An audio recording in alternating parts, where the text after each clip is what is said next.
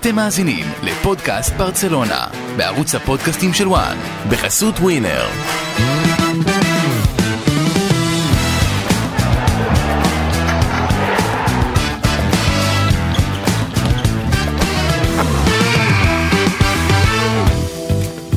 פודקאסט ברצלונה, פרק מספר 30, כמספר התארים של אה, פיקה בברצלונה, אם אנחנו מחפשים איזשהו קישור כזה, בבוקר שאחרי הניצחון המתבקש, צריך להגיד, של ברסה 2-0 על אה, אלמריה, במשחק הפרידה של ג'רארד פיקה מהקאמפ נו, שהיה מפוצץ ב-92 אלף אוהדים.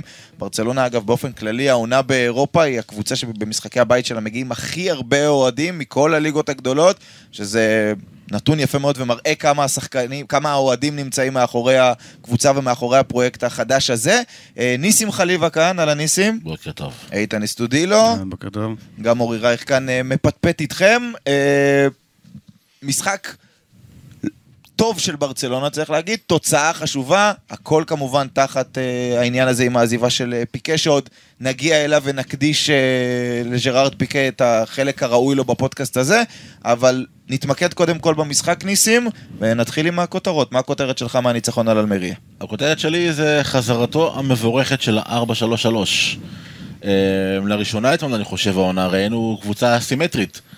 אתם יכולים ללכת למפת המסירות, לעמדות הממוצעות, וממש תראו wingback שמאל, שזה ג'ורדי אלבה, wingback ימין, אה, בלדה, קשר אחורי, בוסקץ, דה יונג ופדרי, כל אחד בצד שלו, לבדוסקי טיפה אחורה, דמבלה וטורס, ממש פנימה בתוך ה half space.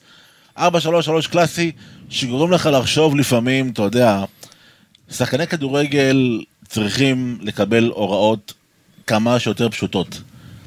ולפעמים ישנה תחושה שמאמני כדורגל, בחשיבה שלהם, שזה התפקיד שלהם בסופו של יום, לחשוב איך חוש, אה, חושפים את נקודת התורפה של היריבה, הם עושים overthinking, לפעמים ה overthinking הזה מבלבל שחקנים.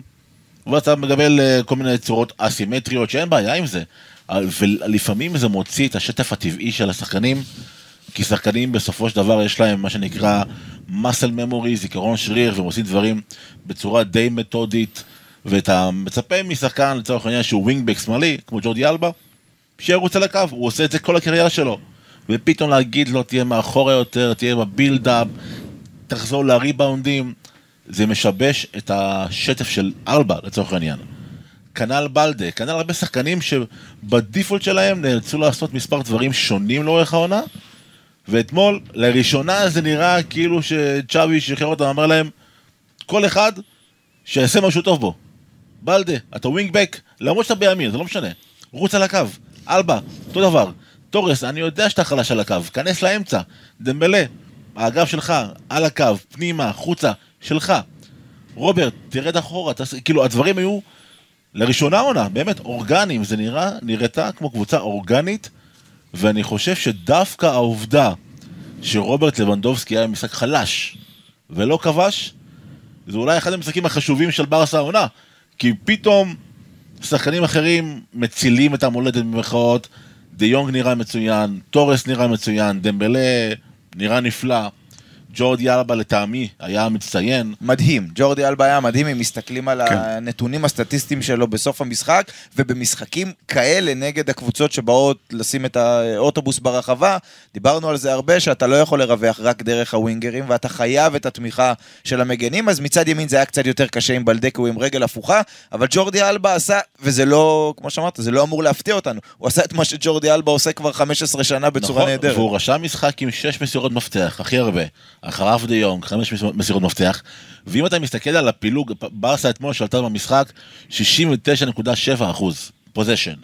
ג'ורדי אלבה עם 9.2, זה הכי גבוה. רוב הזמן הכדור עבר דרך אלבה. זה מראה כמה הוא חשוב, והבוקר אני שוב קורא כל מיני מיני כותרות שהוא לא בתוכניות של המועדון. אני חושב, אני אומר את זה מתחילת העונה, אני אמשיך להגיד את זה עד סוף העונה. הוא המגן השמאלי הטוב בברצלונה, נקודה. הטוב אולי בליגה הספרדית, מבחינה התקפית בוודאות, במיוחד במשחקים כאלה, והמועדון צריך איכשהו, לפי דעתי, לשמר את אלבה, אבל לא בשביל זה התכנסנו. אני חושב שהיה יותר קל גם לאלבה בגלל שהוא שיחק בצד של פרן, ופרן, כמו שהוא אמר, אה, נכנס יותר לאמצע. ואז הוא מפנה לו יותר את האגף, ויותר נוח לו, גם להגביה, גם אה, להניע את הכדור. זה, זה לדעתי תבנית המשחק שצ'אבי אוהב לראות וכן רוצה לראות, כי בדרך כלל בצד שמאל הוא שם את השחקן, אם זה פראן או אם זה פאטי, שיותר משחק מין חלוץ שני כזה, קרוב יותר לחלוץ, ובאמת פותח את השטח לג'ורדי אלבה.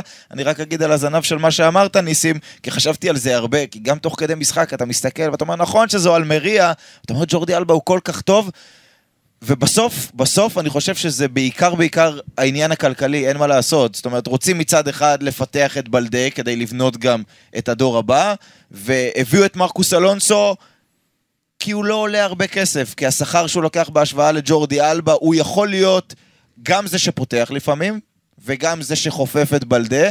אני לא חושב שההחלטה על ג'ורדי אלבה היא, נטו מקצועית, ברור שיש עניינים של חדר הלבשה, ויש עניינים מנטליים אם תמיד נחזור לג'ורדי אלבה וההתפרקות ההיא שם במחצית אה, נגד ליברפול וכולי וכולי. ועדיין אני חושב שזה לא העניין המקצועי, אלא פשוט איזשהו הכרח. ברור, אני, אני, אני מסכים עם הקטע הכלכלי, רק רוצה להגיד הערה, לפתח מגן זה הרבה יותר מסובך מלפתח חלוץ. חלוץ יכול להחמיץ, משחקים רעים, הכל יהיה בסדר. מגן צעיר, אם הוא עושה טעויות קריטיות, יכול לסיים קריירה. זה כמו ללכת למכון כושר ולדחוק 150 קילו בהתחלה, זה לא עובד ככה. ובגלל זה אולי בלדה יכול ללמוד מאלבה, אז דברו איתו, תגידו איתו להבנות, תקצצו בחוזה, תנו לו פריסה אחרת, תבטיחו לו תפקיד ניהולי, ככל הנראה מה שהבטיחו לפיקי, אנחנו ניגע בזה בהמשך. תשמרו את הבחור הזה, כי הוא לא מגן בנאלי. רוב המגנים מגינים, אה, מרימים כדור לצורך העניין, הוא מחפש את החיתוך אחורה. הוא שחקן מאוד מאוד חכם, מאוד מנוסה, שבלדה יכול להרוויח ממנו המון, וגם אתמול ראינו את אלונסו ואת אלבה עושים אחלה שילוב ביניהם ב... במערך, שאלונסו, שאלבה עולה, אלונסו טיפה שובר אה, שמאלה, בוסקץ טיפה יורד אחורה, כאילו שלושה בלמים עוד פעם, יהיו הרבה נגיעות קטנות של צ'אבי במשחק הזה, אבל בעיקר היה חופש ואורגניות. איתן, כותרת שלך? פרנקי דה יונג. פרנקי דה יונג אה, חוזר לשחק יותר בזמן האחרון, גם בגלל הפציונת של גבי, גם אה, מאז, מאז אינטר, מאז 3-3, בוסקס בערך חולף בכל משחק, חוץ. אה, מול אתלטיק בלבאו, שם הוא השלים 90 דקות. והיה לו משחק טוב אתמול, מעבר לשער, חמש מסירות מפתח. הייתה לו את המסירה הרעה הזאת שהובילה למצב של רמזני וההצעה הגדולה של טרשטגן, בסביבות דקה 28. אבל כן, פרנקי דה יונג מתחיל לשחק יותר. ונראה טוב, נראה טוב האמת. גם כי אין לו את הלחץ הזה יותר, כי הוא אומר, אוקיי, שחק בעמדה של בוסקץ, אבל אל תהיה בוסקץ, תהיה יותר חופשי. והוא נראה יותר חופשי, ובעיניי זה, זה סיפור מעניין, כי כל הקיץ דיברנו על הנה הוא עוזב, הנה רוצים למכור אותו, הנה רוצים לדחוף אותו החוצה. ויכול להיות שהרגע הזה מהחזרה, מהמונדיאל, עד סוף העונה, זה סוג של מבחן עבורו. הוא צריך להוכיח שכנראה בוסקץ עוזב בסוף בקיץ, החוזה שלו נגמר, הוא צריך להוכיח שיש לו מקום ושהוא ראוי, אבל מצד שני זה השכר וכל הסיפור הזה שרוצים להיפטר ממנו עדיין. כן, מעניין לראות מה, מה יהיה איתו, כן. זה מתחבר בדיוק למה שאמרנו עם ג'ורדי אלבה. ניסים, זה נראה, אני לא יודע אם, אם תהיה לזה המשכיות. זה יהיה מעניין נגד אוססונה, יש לי תחושה שגבי כן יחזור להרכב על חשבון פרנקי דה יונג, אבל יכול להיות שצ'אבי... זה לא שהוא לא רצה את פרנקי דה יונג לגמרי, דיברנו על זה שהוא רצה מישהו אחר, שעוד נדבר נכון. עליו בסגנון אחר, אבל זה היה נראה בתחילת העונה שהוא נותן את הקרדיט לבוסקץ, פדרי וגבי. זאת אומרת, הוא אומר פרנקי פה, והוא אמר הוא גם ישחק, אבל זה היה נראה שהוא הולך עם גבי, ושני משחקי ליגה האחרונים, הוא הולך עם פרנקי, ולא בעמדה של בוסקץ, שדיברנו על זה נכון. ששם דווקא פרנקי כן הרשים, אלא בעמדה שלדעת שווי, פרנקי אולי פחות מתאים. לברצלונה. נו, אני, אגיד את זה עוד פעם, ששוב יחסרו אליי אוהדי ברצלונה ויקטשו אותי ברשת. גבי זה עדיין לא זה, זה לא ברמות האלה, הוא עדיין לא שם. חסר לו את האקסטרה, אקסטרה משהו שיהפוך אותו לפדרי. הוא לא יציב, ובמצב הנוכחי של הקישור של ברסה, עם הפציעה של כיסייה, דה יונג הרבה יותר אחראי, הרבה יותר חכם, הרבה יותר אלגנטי עם הכדור, הרבה יותר צפוי. אתה יודע מה תקבל מדה יונג, אתה לא יודע מה תקבל מגבי, גבי יכול בהתקפה אחת לעשות לך אה, ריצה לרחבה והוא לא חוזר אחורה. יש המון דברים במשחק של גבי שהופכים אותו לשחקן בוסר עדיין, הוא עדיין... אתה גם תמיד יודע שהוא יקבל כרטיס צהוב. נכון, ואתה מסתכל, אתה רואה את פדרי, כן. אתה יודע שזה עילוי. גבי זה פוטנציאל, וזה בעצם הפער ביניהם. ונכון היום, פרנקי הרבה יותר טוב מגבי, הרבה יותר משפיע. אה, ואגב, אני חייב להגיד את זה, אה, רמזני עם ההחמצה ההיא, אה, קודם כל טרשטגן, חייבים לדבר על טרשטגן, לא כן, תכף, מדברים על יש לי טרשטגן. כותרת ארוכה על אה, אוקיי. סליחה, אז אני עושה אחורה, בכל מקרה, לארג'י רמזני, זה השם שלו, לארג'י, אני לארג', והוא קטנצ'יק.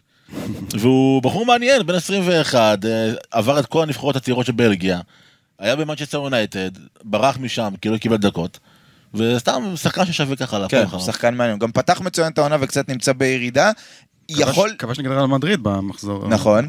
יכול להיות, איתן, ש, שאנחנו כן, שאנחנו באיזשהו תהליך כזה שבסופו המשולש בחלק גדול מהמשחקים כן יהיה פרנקי אחורי, גבי ופדרי? האם זה המשולש האידיאלי באמצע? תשמע, אי אפשר לדעת איך אה, כולם יחזרו מהמונדיאל, זו שאלה מאוד מעניינת.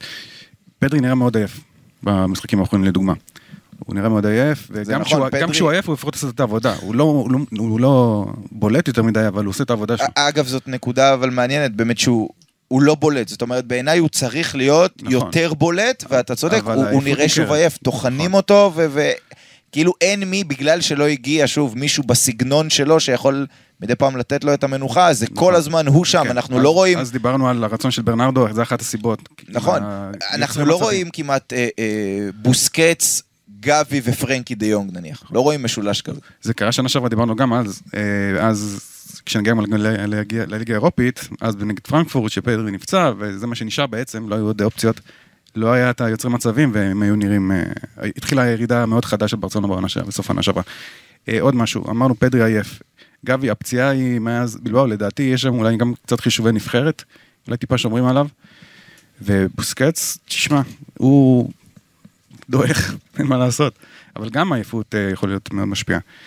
אתה יודע, שנה שעברה אמרו, אה, זה לא בוסקט של הנבחרת, בנבחרת הוא פורח. אבל עכשיו כנראה שכבר, אולי גם כל האווירה הזאת שהנה פיקה עוזב, והנה רוצים להוציא בכוח את ג'ורדי אלבה, יכול להיות שזה גם איזשהו משפיע עליו אה, מנטלית נגיד. כן, ואנחנו יודעים ועוד אה, נדבר על זה שרוצים להביא בינואר מישהו שייתן לו את הגיבוי הזה, עוד קשר אחורי, כי כנראה שלא סומכים לגמרי על זה שפרנקי יהיה שם האחורי ביותר. כי הוא לא אה, אחורי.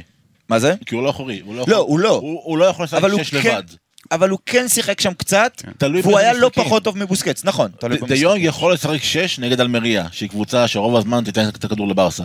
דה יונג לא יוכל לשחק שש נגד ריאל מדריד, או סיטי, או פריז, כן, או לא- בלבאו, לא עוצר התקפות. סביליה וכן הלאה. הוא לא ששים את גם הרגל ויעצור בוסקץ לא התקפות. לא בטוח. לא, אבל בוסקץ, נכון שהוא לא פיזי, נכון שהוא לא מהיר, יש לו את היכול, יש לו מה שנקרא awareness, הוא, הוא מאוד מודע למבנה של היריבה ואיפה הוא צריך לעמוד. דה יונג, אין לו את זה, כי דה יונג בחשיבה שלו יותר, בהגדרה המקצועית קוראים לזה regista, שחקן שבא אחורה, לוקח את הכדור, מתקדם איתו, ה mind שלו מתוכנת. להניע את הכדור קדימה. בוסקץ, ה mind שלו מתוכנת לשמור על הקצב איטי יחסית, ולדעת איפה לעמוד בשביל לעזור לבלמים ולשחרר את המגינים. זו חשיבה אחרת לחלוטין, וברסה תצטרך את המספר 6 הקלאסי הזה. טוב, אז תכף נדבר על עוד אופציה שעולה, אבל לפני כן הכותרת שלי האחרונה למשחק הזה, לפני שניגע אה, בסיפור של פיקה, וזה גם קשור אליו, אה, ובמילה אחת זו הגנה. עכשיו, אני תמיד מדבר פה בפודקאסטים על זה שכשהיה את ה-MSN מקדימה, אז התרומה של הקשרים מבחינה מספרית לא הייתה קריטית, וכיום היא נדרשת, דיברנו על זה הרבה. את אותו דבר, אני רוצה להגיד גם על ההגנה, כי כשההתקפה הייתה כובשת, כמו בדיוק לפני עשור, בעונת 12-13, 115 שערים, אז 40 ספיגות, שזה ממוצע של יותר משער למשחק, זה עדיין היה מספיק לאליפות.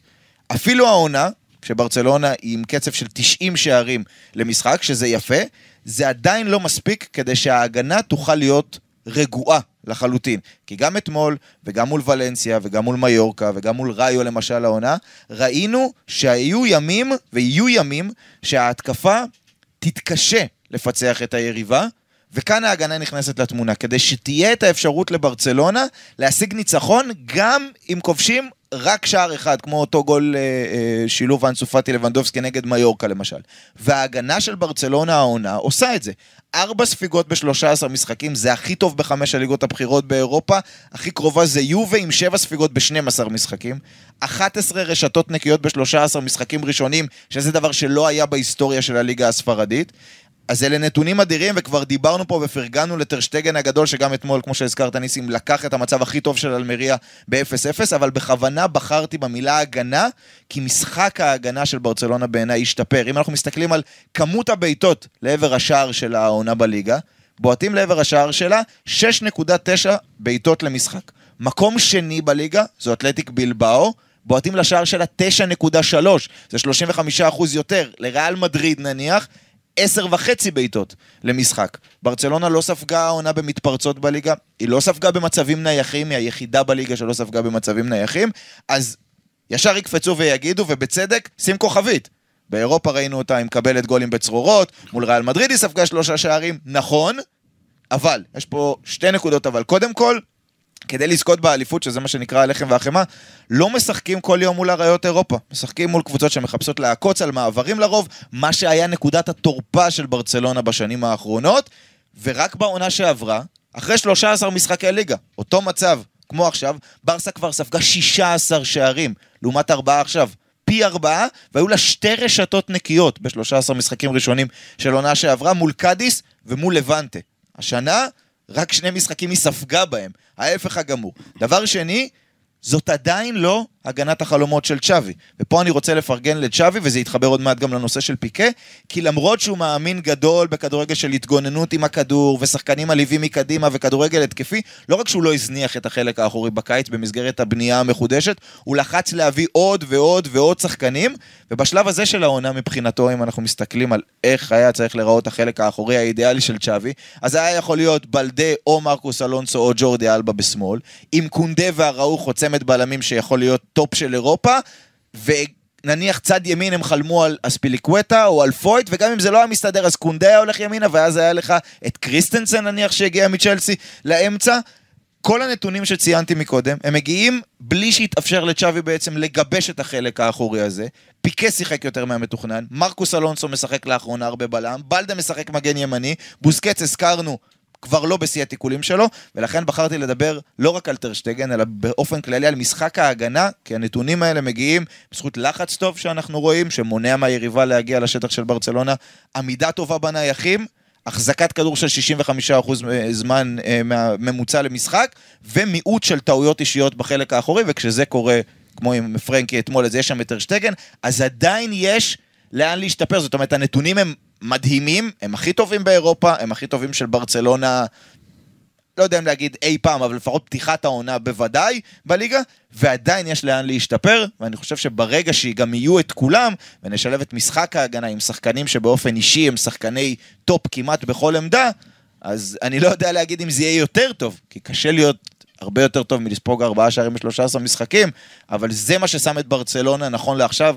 בעיניי חזק במאבק האליפות. יש פה המון, זה, קודם כל נתחיל משטרשטגן, רק לעשות סדר במספרים, הוא עמד מול 29 בעיטות למסגרת ועצר 25. זה 89.7 אחוז עצירות. זה הכי גבוה באירופה השנה, זה הכי גבוה בקריירה של טרשטגן, ever. הכי גבוה שלו היה 81.1 אחוז, היה אי שם ב-2011-2012 במנשן גלדבך.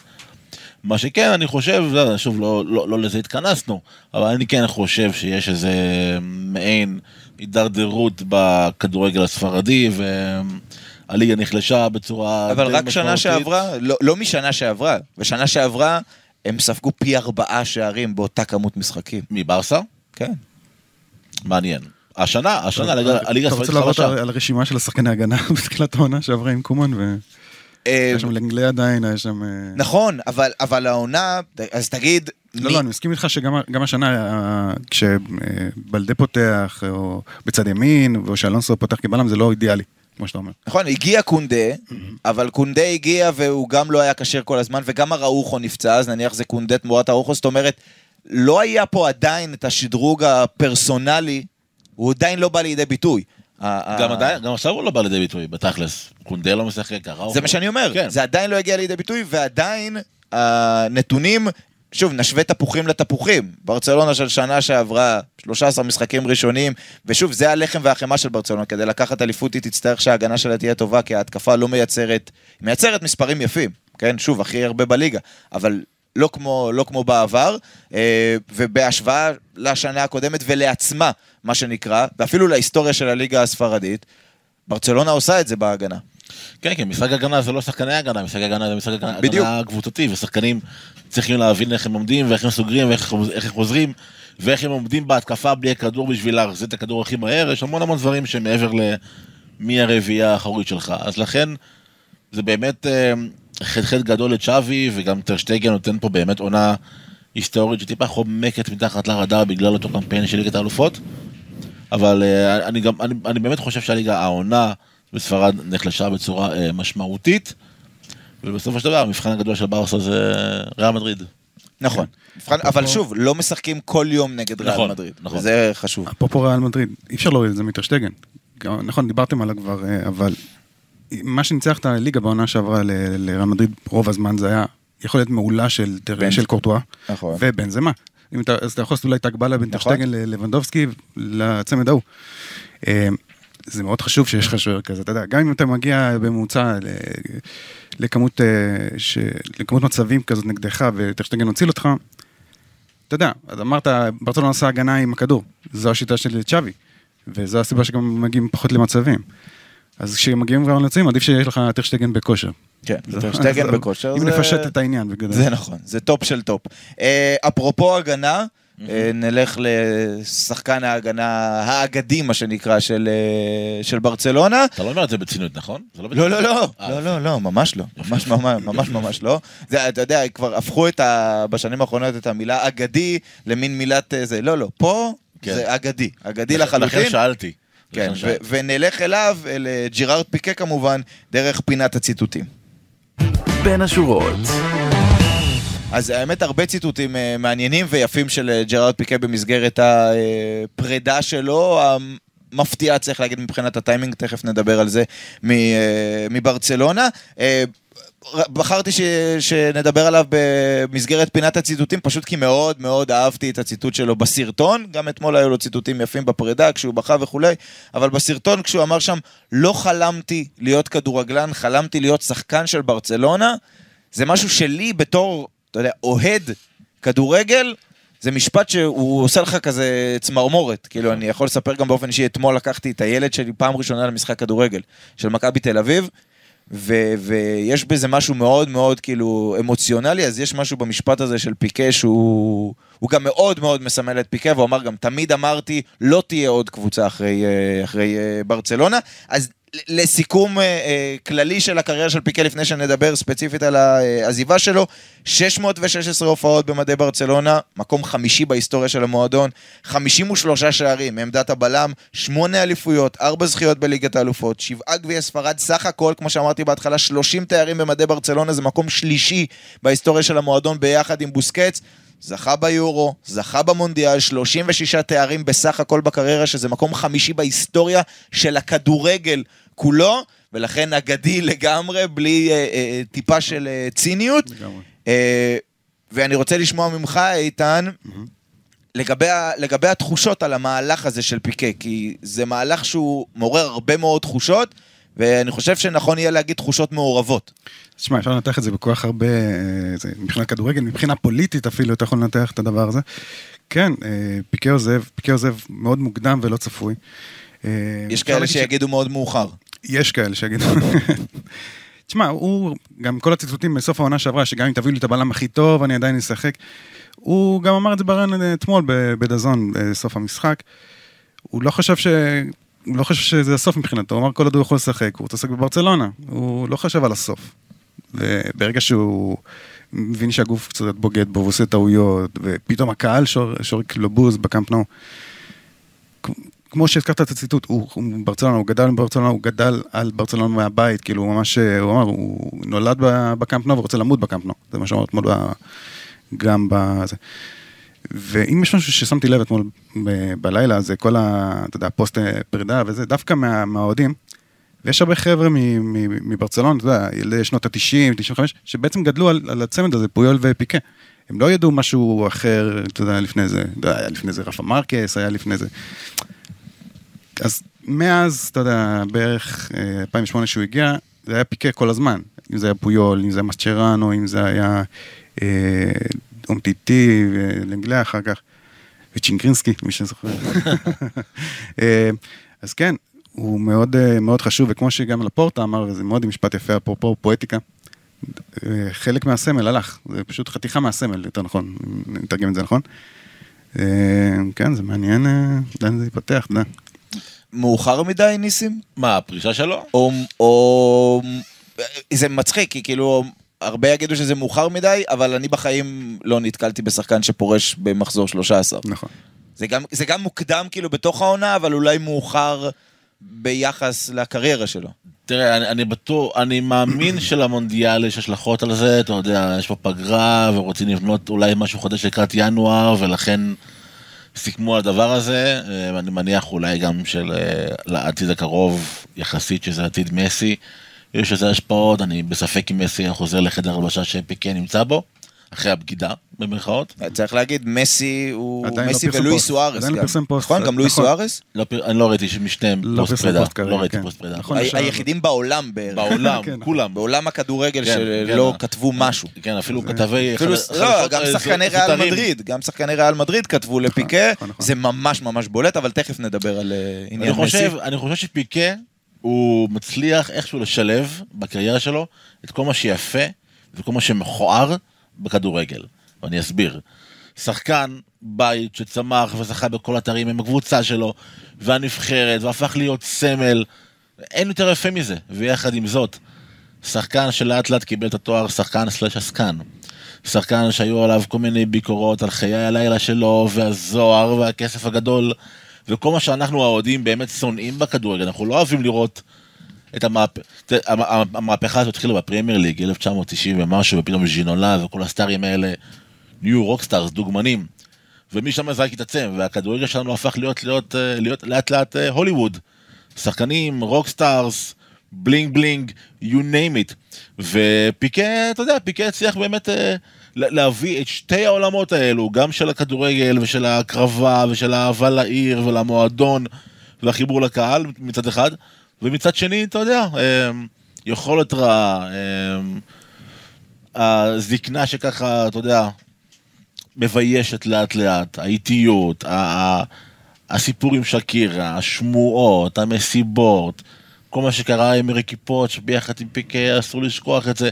יותר מדי רעשים סביב הקריירה של פיקה, אבל חס וחלילה אסור, אני אומר את זה מבחינתי כמובן, אני שם את זה בפרונט שלי, אסור שזה מה שיתאר את פיקה. פיקה בלם היסטורי, בלם אגדי, בלם שראוי לכל השבחים, בלם שהוא נחשב, כמו שאתה אמרת, מקום חמישי בהיסטוריה מבחינת הופעות, הוא שם, הוא בטופ 10 של השחקנים הגדולים של ברסה, והוא רוצה להיזכר כאחד כזה, ואסור שהשנה האחרונה, שנתיים האחרונות, והמשחק הזה נגד אינטר וכל מיני פרשות, יעיבו על קריירה נפלאה בעיניי. כן, וצ'אבי אמר אתמול אה, בסוף המשחק שפיקה הולך ב- בשלווה, ברוגע אני לא בטוח שזאת האמת. אני חושב ש... ניסו למכור לנו את זה לפחות. נכון. שפיקי הולך בפשרה, נקרא לזה ככה. כן, אה, אז מצד אחד אני חושב שפיקה הלך מאוחר מדי, זאת אומרת אם הוא היה תשמע, מה פורש... זה מאוחר מדי? בסופו של דבר השתמשו בו, עד אתמול אתה יודע. לא, תאר לך. תאר לך והוא לא היה. מה- כן. מה ברסה עושה עונה? עם מי פותחת בלם? היום? אה, יש, יש, סיבה ש, יש סיבה שכבר, למרות שהם סגרו איתו לקיץ הבא ותכף נדבר עליו, עם איניגו מרטינס, הם רצו אותו כבר בקיץ הקודם. אז אני בא להגיד שהוא היה צריך, הוא היה צריך, אם הוא היה עוזב אז הוא הם היו מביאים מישהו. נכון. היו מביאים מישהו. ולא רק בקיץ הזה, אבל בקיץ האחרון אני כן חושב שהוא היה צריך להגיד, אוקיי, בונים פה משהו חדש ו, ואני אלך. אמרו לו. לא, כן, כן, אמרו לו, אבל הוא לא- יחשוף- שנגמר- כשנגמר הליגה, צ'אבי לקח אותו בין כל השיחות, והוא אמר לו, "אה, שומע? אתה תהיה בלם חמישי. כן. לא משנה מה... ופיקה האמין בעצמו, שמצד אחד אפשר להעריך את זה, ומצד שני, אני, שוב, אני חושב שזה היה מאוחר מדי, ועדיין אני חושב שיש משהו, אה, אה, אני מאוד מעריך את פיקה על ההחלטה לעשות את זה עכשיו, זאת אומרת, הוא ראה שזה כבר, נכון שכבר כמה שנים יש את הרכשים סביבו, והיכולת הלא טובה, והוא ראה שמעדיפים שחקנים אחרים, והוא גם יודע שהוא כבר לא, בר, כבר לא ברמה, אבל הוא קיבל החלטה שלא הרבה שחקנים היו מקבלים, שהוא רואה ש, שזה לא בכיוון, שהוא באמת לא ברמה, שפתאום מתחילות שריקות בוז, שמה שצ'אבי הזהיר אותו ממנו בסוף העונה שעברה ובתחילת העונה, ואמר לו, אתה, אתה לא תשחק, ואני אביא בלמים יותר טובים ואתה לא תקבל את הקרדיט.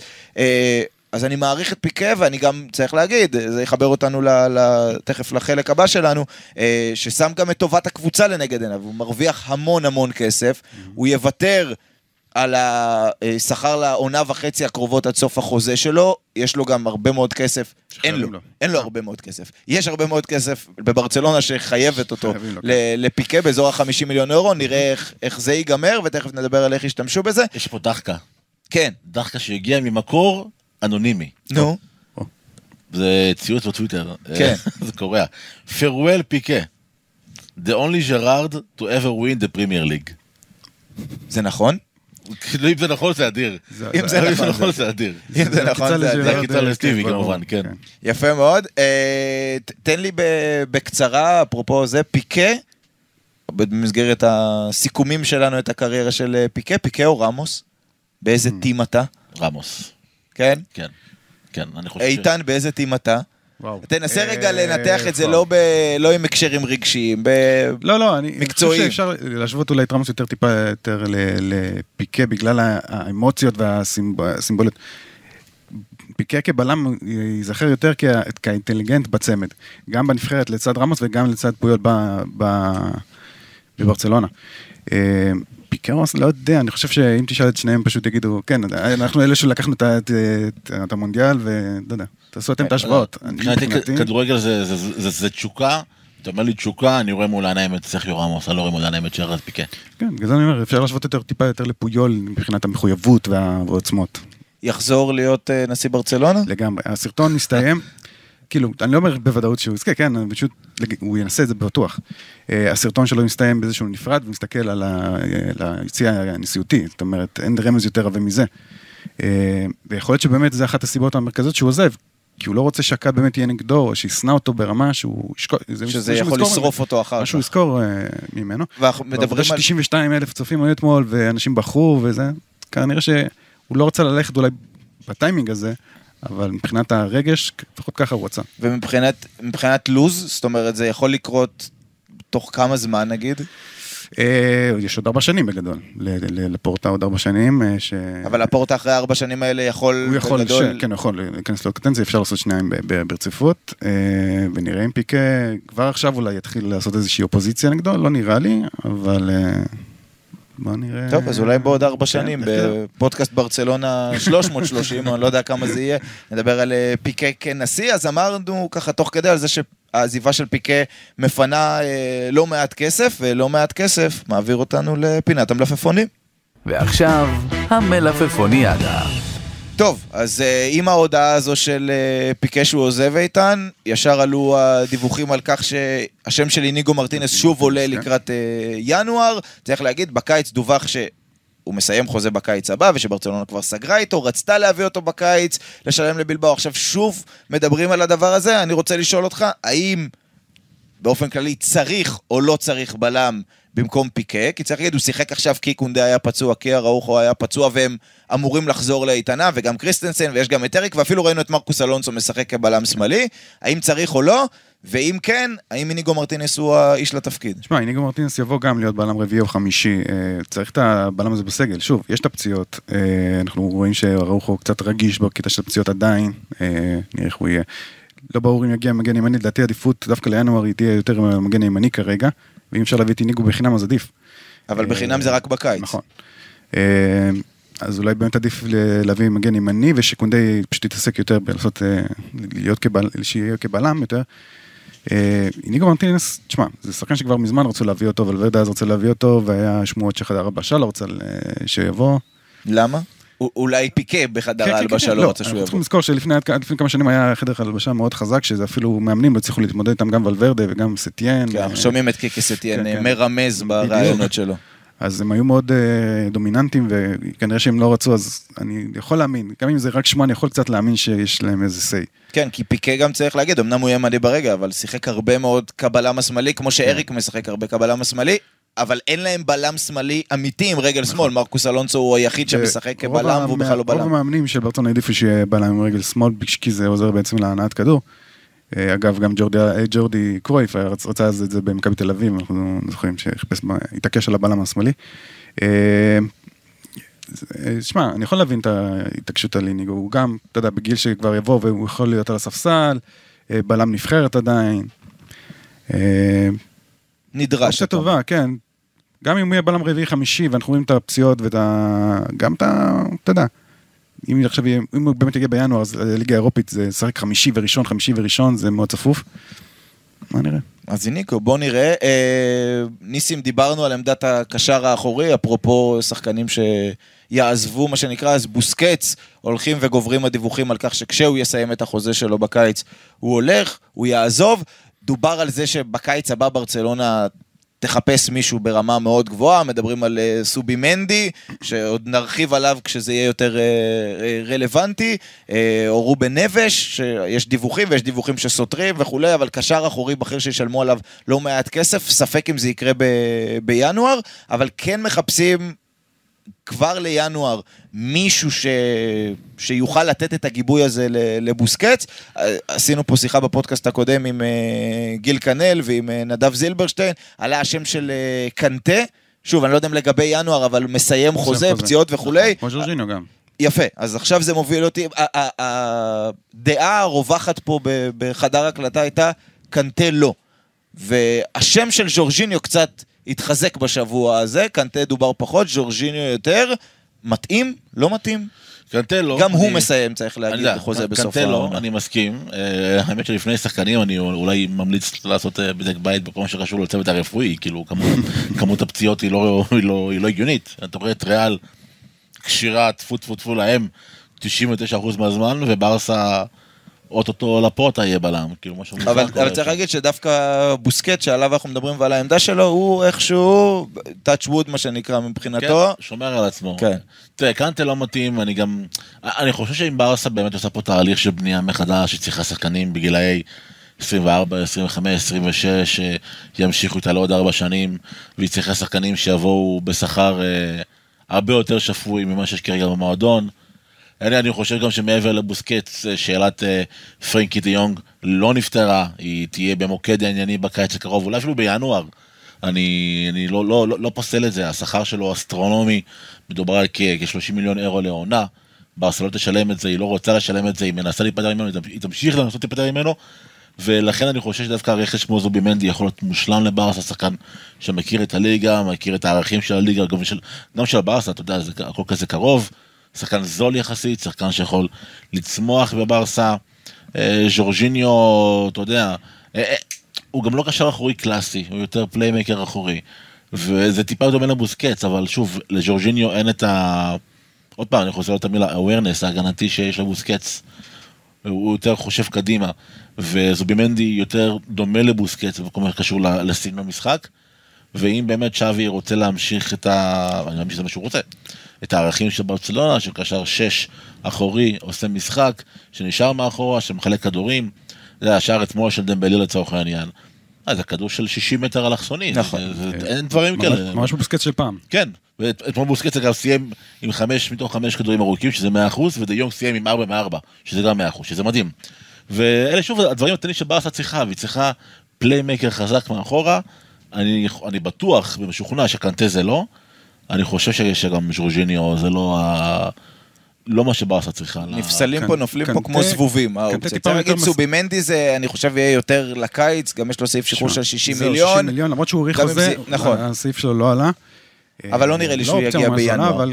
כן, לא לא חושב שכבר בינואר, כי ייתנו את הכבוד לבוסקט מן הסתם עד סוף העונה. אבל לא צריך להביא מישהו שיגבה צריך, אותו בינואר. אבל כנראה שיחפשו אולי פתרון אה, לטווח הקצר, אה, או, לא יודע, איזו השאלה או משהו. צריך לזכור שלפני בוסקץ, אתה יודע איזה שמות היו. היה את אדגר דוד שעשה אה, חצי עונה מדהימה, היה את אה, ואן בומל, היה אלברטיני אפילו איזה תקופה. עד שהגיע בוסקץ והגיע מנור.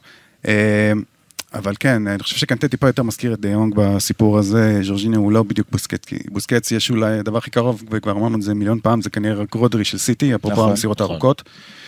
אה, לא, לא יודע, זה יהיה ממש קשה למצוא עכשיו אה, מישהו שמחליט... יהיה קשה, גם לינואר זה... נבש נהדר, אגב. כן, אבל זה. גם אני לא מאמין שיהיה לינואר. אם מחפשים מישהו שייתן לרגליים של בוסקץ לנוח. תראה, נבש הוא, אם, אם אני זוכר נכון, אני לא סגור על זה במאה אחוז, האם אני זוכר נכון, הוא שחקן של ג'ורג'ה מנדש. בוודאות כן. הוא שחקן שלי. נכון, כן. זה בוודאות, וז'ורג'ה מנדס ולפורטה הם החוקים. אז יכול להיות שפה איזה בילדאפ לקראת משהו מעניין. טוב, נושא אחרון בפינת המלפפונים לפני שנסתכל קדימה לעבר אני ההגרלה לא רוצה לדבר על והמשחקים זה. הקרובים. מה זה? אני- לא רוצה לדבר על זה. נעשה זוג אופרת וזהו, או. משהו. לא, כי תוך כדי- שיחה איתכם פה, כן. אני מתחיל אה, לאכול סרטים, מצטער שאני אומר את זה. יפה, אני אוהב שאתה עושה בילדאפ לשאלה הזו. כן. אה, לא שאלה שחשבתי עליה בעצמי, אבל כמובן בעקבות אה, כותרת שהייתה בספורט הקטלוני השבוע, שלפורטה רוצה בקיץ להביא החתמה אחת אדירה, מעבר דיברנו מגן ימני זה חשוב, ישימו על זה הרבה כסף ו- וגיבוי לבוסקץ וכולי וכולי וכולי, אבל שהוא רוצה עוד קרק אחד, כמו שאוהבים להגיד אה, כן, בספרד. אה, הכותרת הייתה מסי או ברנרדו סילבה. אוי ואבוי. ניסים? מסי או ברנרדו סילבה? זו שאלה לא כיפית, זו שאלה באמת לא כיפית. אה, נראה לי שאם היית מאמן ואלה היו האופציות זה היה כיף. לא, אני לא, אני אגיד לך לא, אני, תראה. לא, אני בכלל לא יודע- לא יודע איך לענות לדבר כזה. כן, זה גם מאוד קשה. תראה, ברנרדו סילבה שחקן אדיר ומסי הכי טוב בהיסטוריה, כאילו אין פה אין פה בכלל סימן שאלה. כן, כשחשבתי על זה, אז בסוף ההגדרה היא, היא בחירה בין השחקן הכי טוב בהיסטוריה, לדעתי, לעניות דעתי מה שנקרא, ויש שאומרים גם השחקן הכי טוב כיום בעולם, נכון. לבין. ויש כאלה שיגידו, לבין הקשר שהוא אפילו לא הקשר הכי טוב במנצ'סטר סיטי. תראה, אני, אני חושב, אז כאילו זה נראה לי, תודעתית, שמסי נמצא עכשיו בסיבוב הופעות. אוקיי, ההופעה הראשונה והגדולה ביותר זה המונדיאל. ואחרי המונדיאל זה יהיה מעין סבב פרישה ארוך. איפה? אז זהו. אני, אני מאמין שבסוף הוא גם לא יפרוש בברסה, אני מאמין שבסוף הוא יפרוש בארגנטינה. לא. כן, אני חושב שהוא יעשה עונה אחרונה בארגנטינה. זה לדעתי. לא יקרה, אבל בגלל סיבות משפחתיות. וכאלה. ככה לי זה נראה, הוא לא ייקח לא את המשפחה שלו לארגנטינה, זה לא מקום שאתה לוקח את המשפחה עם הילדים לגור שם. יכול. להיות, יכול להיות. אבל תראה, אני יודע שמסי נמצא בדיאלוג, אה, כולם יודעים את זה בגדול, די קבוע עם אה, אינטר מיאמי. ובוסקץ למרות כנראה שגיאם בלגה יעבור שכתב לאינטר את מיאמי. הביוגרפיה שלו, אחד כן. הכתבים שנחשב מקורב, נכון. אמר, אחרי שאם אני לא טועה זה פבריציו פרסם על זה שאינטר מיאמי מאמינה שהיא נכון. מאוד אה, חזקה בעניין, אה, אז הוא אמר, אה, יש מועדון בארצות הברית שצריך לעשות לעצמו הרבה יחסי ציבור, ולכן הוא קושר את השם של. מסי בו. מעניין. תראה, אני, אני לא יודע איך הסיפור של מסי יסתיים בנבחרת ארגנטינה, אני חושב שיהיו לזה משמעויות הרבה יותר נרחבות. אני חושב שאם מסי יסיים טוב בארגנטינה, הוא גם ירצה לחזור לברצלונה ולעשות את ה... אם. אם לא ארגנטינה אז יסיים שם, אבל השאלה היא באיזה תפקיד. כי האם מסי חוזר כשחקן מרכזי? כי אם כן, אני אני אגיד לך, על צריך לעשות טרישאפל לכל אני ההרכב אגיד שלו. לך, על המגרש, אני חושב ששניהם, שניהם זה מסי וברנרדו סילבה, כן. מיועדים על הנייר, יש לזה את הבעיות של זה, כן? אבל לאותה עמדה. זאת אומרת, אמור להיות קשר אחורי, פדרי, ומסי או ברנרדו סילבה. הרי ברנרדו סילבה היה מיועד לשחק נכון. יחד עם פדרי, זה לא, זה לא שעכשיו אנחנו אומרים, אה, זה, זה, זה לא איזה פער גדול, זאת אומרת, זה קשר התקפי מאוד, נכון. עם, עם יכולות של דריבל, עם יכולות בשליש האחרון. אה, זה לא שצ'אבי מחפש שם ליד פדרי איזה גרזן, או איזה קסיה, או איזה שחקן של הנעת כדור. לא, הוא מחפש מישהו שהוא סופר תכלס. זאת אומרת, ולכן... אני חושב שההתלבטות היא בעמדה לא, הזו, שלא ושניהם ש- זה לא יקרה. שלא יחשבו פה החבר'ה שאני מתלבט, כאילו, מסי בכל, בכל שנייה, כאילו, מסי, כן? מסי לפני כל שחקן בהיסטוריה, נקודה. צריך להזכיר שזה מסי, למה אני מוסיף את הנתונים האלה? כי מסי זה מסי לשנה, אולי שנתיים.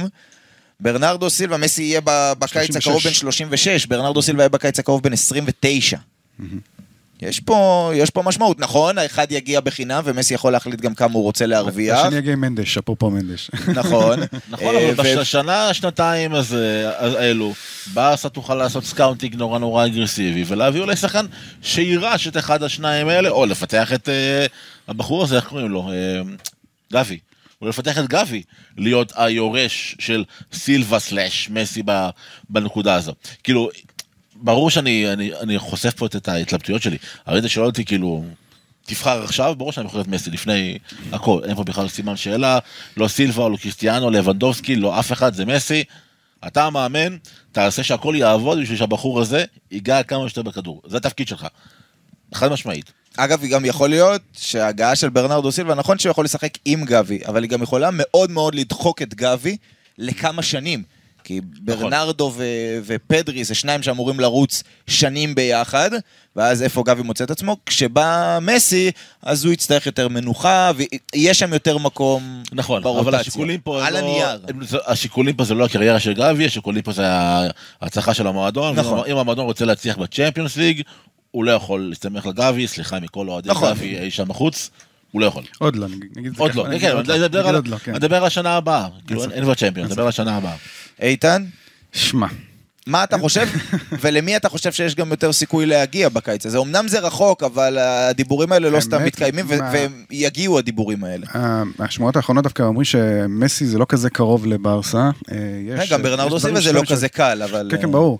אה, למרות שאפרופו פיקה, זה מפנה לך כמעט אה, 30 אה, מיליון מהתקרת שכר, אז יכול להיות. שזה, כן, זה מאוד משמעותי. אה, תשמע, זה מאוד אה, קשה להחליט, כי כאילו אתה אומר, ברנרדו זה אתה בונה לעוד כמה שנים, ומסי אתה צריך להחזיר אותו גם בשביל להיפרד יפה, ומצד שני ברצלונה משחק בעונה הבאה במונג'וויק. אז איך אתה נפרד ממנו במונג'וויק? לא יודע, זה שאלה קשה מדי. אתה אומר לי עכשיו לעונה שאלה אחת, קשה מדי, בשביל זה אנחנו פה. בדיוק, כן, אבל אם אתה אומר. לי לשנה אחת, אז כן, מן הסתם זה מסי, אבל אם אתה אומר לי, צריכים לראות עכשיו את ברצלונה, שתצליח בטח, באמת. בצ'מפיונס ותצליח באמת אה, כל שנה בליגה, לפחות לארבע, חמש שנים הקרובות. זה כן, זה ברנרדו סילבה וכנראה עוד שחקנים מעבר, אבל אם זה אחד לאחד, כן. אז אין לי אין לי תשובה חד משמעית. אין תשובה חד משמעית. אני גם, צריך להגיד, זו התלבטות מאוד גדולה. אני בסוף הולך עם אה, מסי, א', כי שנתיים, אבל מסי לשנתיים. מסי לשנתיים, כי כמו כן. שאמרת ניסים, לאפשר לברסה לחפש אולי בשוק, אולי לבנות את גב אה, וכולי, לתת את הזמן הזה כדי שיהיה מישהו שיגיע, כי לא התכוננו לעזיבה הקודמת של מסי, אז להתכונן לעזיבה הבאה אם הוא מגיע. אה, ואני חושב שסגירת המעגל ברמה ההיסטורית, עולה, עולה. כמעט על כל עניין נכון. מקצועי, ו- וגם אין ממש עניין מקצועי, זאת אומרת, מסי הוא אדיר. אם מסי היה בדעיכה כזאת ברורה, אז אתה אומר, אוקיי, אולי הסגירת מעגל זה לא כזה גובר על העניין המקצועי, אבל לא. זאת אומרת, מסי יוכל לתת בשנה, שנתיים הקרובות, למרות הגיל, אני משער לא פחות, אם לא יותר אפילו מ- מברנרדו סילבה יש לברצלונה. פה שיקולים פוליטיים, ובפוליטיקה השם של מסי הרבה יותר חזק מהשם של ברנרדו סילבה, אז אני בטוח שלפורטה שוקל גם את זה. שבסופו של דבר, כנראה שזה באמת יותר תלוי במה שמסי אה, מסי. בעצמו החליט. כן. לא רק בברסה. מה שמסי החליט, אתה יודע, אה, נראה. אבל העזיבה של קיקה, אה, קיקה, פיקה, מכינה את הקרקע. כן, כן, זה- זה- זה צע- זה עוד צעד בכיוון, גם הוא יגיע- כלכלית. הוא יגיע וגם- לברסה אחרת לגמרי. זאת אומרת, אם החבר הכי טוב שלו אחרי זה, עזיבת סוארז היה ג'ורדי אלבה, הוא כנראה גם לא יהיה. נכון, וגם אה, הוא יחזור, שהוא נכון. כל הוא- השנים הוא איתו. יגיע לא בתור, אה, אתה יודע, אחד מהחבר'ה, כמו שהוא היה, אלא בדיוק. בתור מנטור. הוא- הוא הוא יהיה זה שילווה כן. את הדור החדש של ברצלונה. כן, ראינו את, את החיבור עם. מנסו פאטי ואת החיבור עם פדרי בעונה שעברה. כן, יש לו כבר את הבסיס הזה נקרא לזה. וזה משעשע, כי זה מה שקריסטיאנו רונלדו התחיל לעשות עכשיו במנצ'סטר יונייטד. מעניין, כן. מעניין. אה, טוב, אנחנו נדבר הרבה כנראה על מסי בפודקאסטים של אה, ברצלונה, עד שהוא אה, יחליט מה לעשות, וברצלונה גם תחליט. מעניין אם באמת תהיה שם התלבטות ב- בתקשורת, בדיווחים, על מסי או ברנרדו, אני משער ש- שיהיה שיח על זה. אה, אבל בואו נחזור אל ההווה. ובהווה ביום שני, עוד לפני משחק אמצע השבוע שתכף נדבר עליו. בחזרה למציאות, אה, בלי מסי, שנתיים רצוף מגיעים לליגה האירופית ולא עולים שלב בליגת אה, האלופות, ותהיה הגרלה, אה, זה לא הגרלת שמינית הגמר, זה שלב הפלייאוף של הליגה האירופית, היריבות האפשריות, ניסים, פסוויי איינדהובן, רן, רומא, אוניון ברלין, מנצ'סטר יונייטד, מיטילנד, נאנט ומונקו, למה צריכים אוהדי ברצלונה לקוות? לרומא. למה? כי מוריניו חוזר לקמפנו, זה חתיכת רעש. ואני מאמין שאם ברסה רוצה להתכונן טוב לשנה הבאה, היא צריכה לקבל ב- בליגה האירופית את כל היריבות הקשות. לעבור גיהנום בליגה האירופית בשביל להתחשל, שנה שעברה היא קיבלה את פרנקפורט, שעל הנייר זה לא היה גיהנום, למרות שפרנקפורט זכתה בסוף. נכון. והודחה וזה היה, אתה יודע, עוד יותר. אבל- זאת אומרת, אם שנה שעברה הדחה ברבע גמר הליגה האירופית, עוד התקבלה הבנייה וזה, השנה הציפייה, למרות שיש יריבות לא קלות, והיריבות שהזכרתי הן לא היריבות היחידות, יש את אלה שסיימו במקום הראשון בבתים בליגה האירופית, והן מצטרפות לשמינית הגמר. נכון. אה, אבל עדיין, למרות שיש יריבות קשות, אה, אם ברסה לא תגיע עד לחצי גמר גמר, זה כן עלול להיות אה, כתם על צ'אבי. היריבה הראשונה בעונה שעברה בליגה האירופית היה נפולי. נכון. לא תגיד שהגרלות היו כל זה קלות, אבל כן, הם הצליחו אה, לעבור בסופו של דבר. תקווה להגרלה. אה, אני לא חושב שברצלונה צריכה אה, לחשוב על אה, מה יותר קל, מה יותר, באמת צריכה לבוא ו... ו... תשמע, היא צריכה להוכיח את עצמה גם בליגה האירופית, אין מה לעשות. והיא צריכה... זאת אומרת, גם אם היא תקבל את מנצ'סטר יונייטד או רומא, שזה כביכול היריבות הקשות יותר בהגרלה, הן צריכות, היא צריכה לעבור, כאילו, היא צריכה לבוא, להגיע ברגש, בעליוניות מסוימת. אז, אז זאת שאלה מעניינת, ניסים. ברצלונה, עוד אנחנו נדבר על זה. היא צריכה לקחת את הליגה האירופית בתור מה בסדר העדיפויות? כי ברור שלזכות באליפות יותר חשוב מלזכות בליגה האירופית. נכון, נכון, אבל בעיניי זה סוג של 50-50, אתה יודע. כי אתה אומר, אמנם הליגה זה הלחם והחמאה, אני מסכים. אבל סביר להניח שברסה תגיע לצ'מפיונס ליג, אוקיי, גם אם זה יכול להיות. כן, לא, ברור. היא תגיע לצ'מפיונס ליג. היא לא צריכה את הזכייה בליגה האירופית בשביל להגיע לצ'מפיונס. אני חושב שברסה כרגע זקוקה לעצמה לזכות בכל תואר חשוב. הליגה האירופית זה תואר חשוב. הסגל של ברסה, הסגל הכי טוב בליגה האירופית בי פאר, הכי רחב בי פאר. אה, יש לצ'אבי מספיק מקום לעשות תמרונים. הוא צריך לזכור, אם אני זוכר נכון, זה מתחיל בפברואר. לא? נכון, לא? בפברואר. אז יש, יש לנו זמן עד אז. כן, את כל ינואר להתחזק, לכל הפצועים להחלים. זה מונדיאל מוזר. אה, ואז אני חושב שברסה צריכה לקחת את המפעל הזה בשיא הרצינות, לא לחשוב על הרגליים, לא לחשוב מי יש לנו מחזור הבא, צ'אבי יש לו מספיק. מרחב, כמו שאמרתי, לעשות את ההתאמות שלו, וברסה חייבת ללכת למפעל הזה בכל הכוח. שמע, צ'אבי צריך לקחת את, זה, את המפעל הזה כ...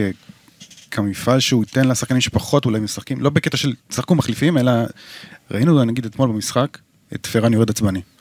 אז יש משחקים ש, שכן, צריך לתת לכולם לשחק, ואתה רואה, פתאום דיבורים שאנסו קצת אה, חושב... לא מרוצה, נכון. רפיניה, ראינו, היינו רואים אותו מוחלף באופן קבוע בדקה ה-60 לפני שדמבלה השתלט לו על העמדה. מאוד יכולה להיות ה... המקום הזה. מה שיעזור לו לחלק יותר את הדקות. אז אה, אולי שם זה גם אה, יעזור לו.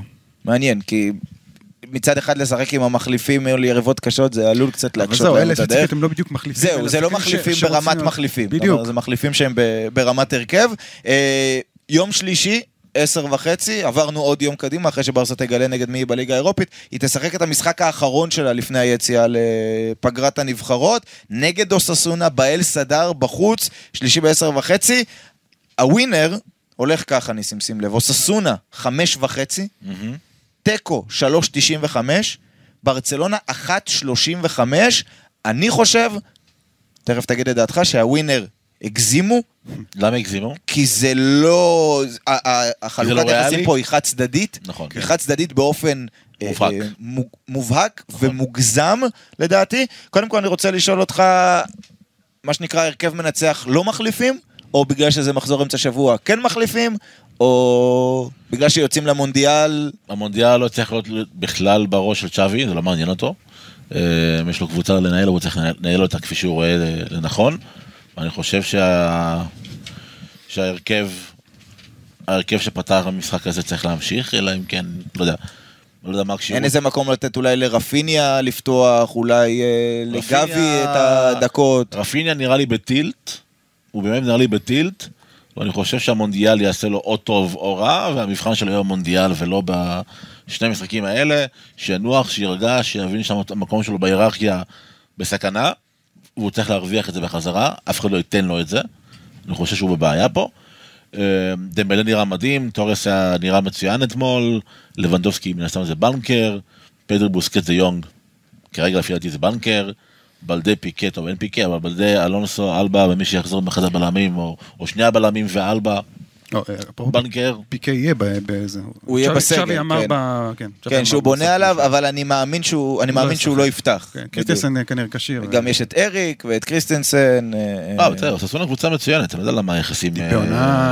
כן, איתן, בוא נחזור ליחסים.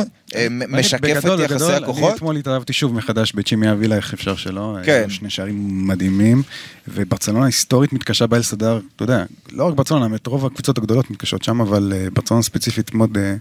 אוססונה נזכיר הוציאה תיקו בברנבאו השנה נגד ריאל מדריד, נכון, נכון שהיה את הפנדל המוחמד של בן זמה, אבל... מאמן כבר שנים מאוד יציב, שחקנים מאוד מוכשרים, ומאוד ממושמעים, אפרופו המאמן. טיפה יותר מזכיר את uh, ראיו ואיקנו מבחינת המשמעת.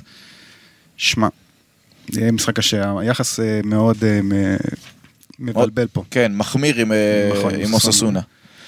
ניסים, מוקש, אתה רואה את ברצלונה עלולה למעוט, כי אני אגיד את דעתי, אני, אני חושב שזה מוקש אדיר. זאת אומרת, אלמרי הזה היה מראש, אוקיי, בואו נסמן וי, זה הלך קצת קשה, אבל, אבל היו צריכים לסמן וי, גם היו שם כל כך הרבה החמצות, ובטח אם לבנדובסקי כובש דקה חמישית את הפנדל, הכל נראה אחרת. נכון. אה, אבל בחוץ, נגד אוססונה, היא קבוצה. זאת אומרת, אין שם חוץ מצ'ימי, אין אף אחד שאתה אומר הוא עם איזה סטאר קווליטי, אבל יש להם הגנה טובה, עם, עם צמד הגרסיות, אני לא יודע מי יפתח, אם סכר יפתח לדעתי זה יותר טוב, למרות שראינו את אייטור פותח יותר לאחרונה.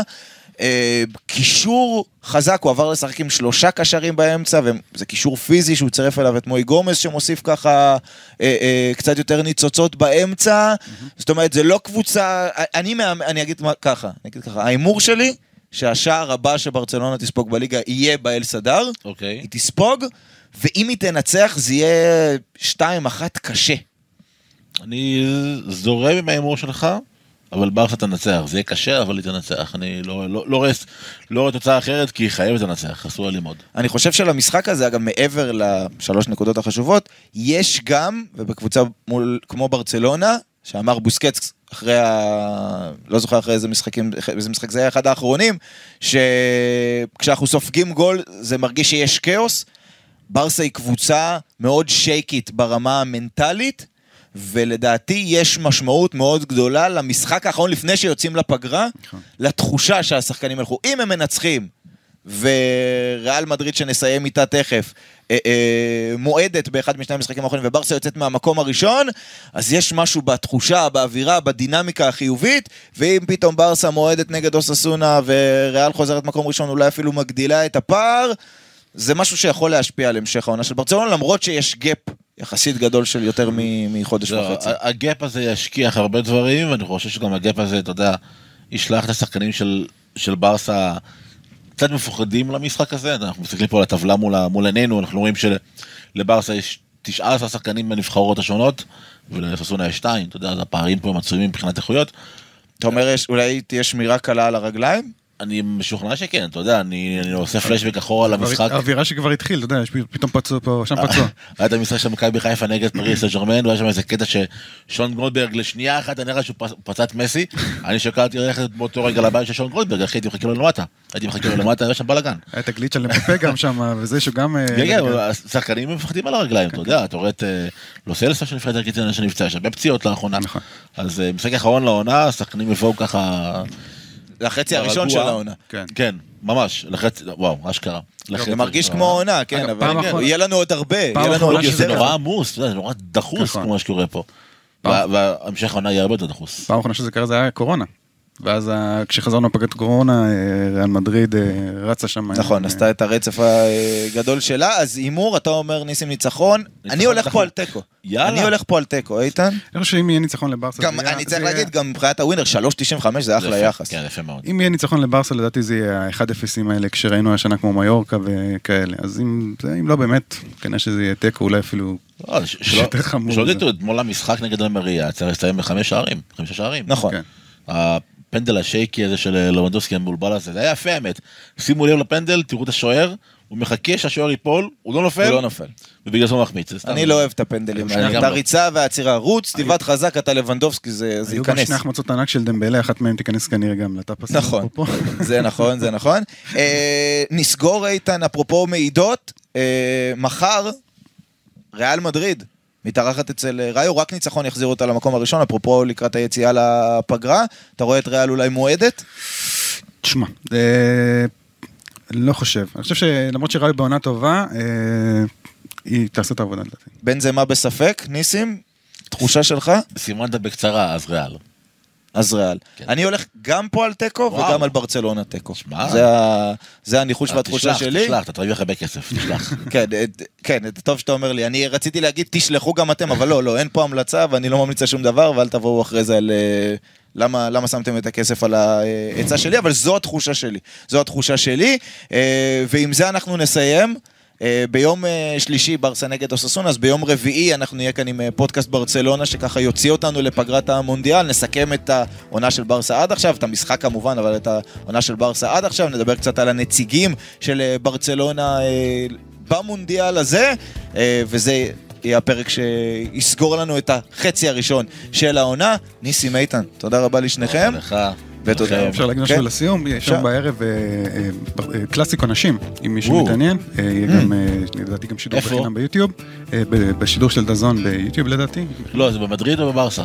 וואי, אני לא זוכר עכשיו. אבל יהיה משחק מעניין. אה. במדריד, במדריד, סליחה, נזכרתי. במדריד. יפה, אז המלצת צפייה, קלאסיקו אה, נשים, ואנחנו נשתמע בפודקאסט הבא. ביי ביי.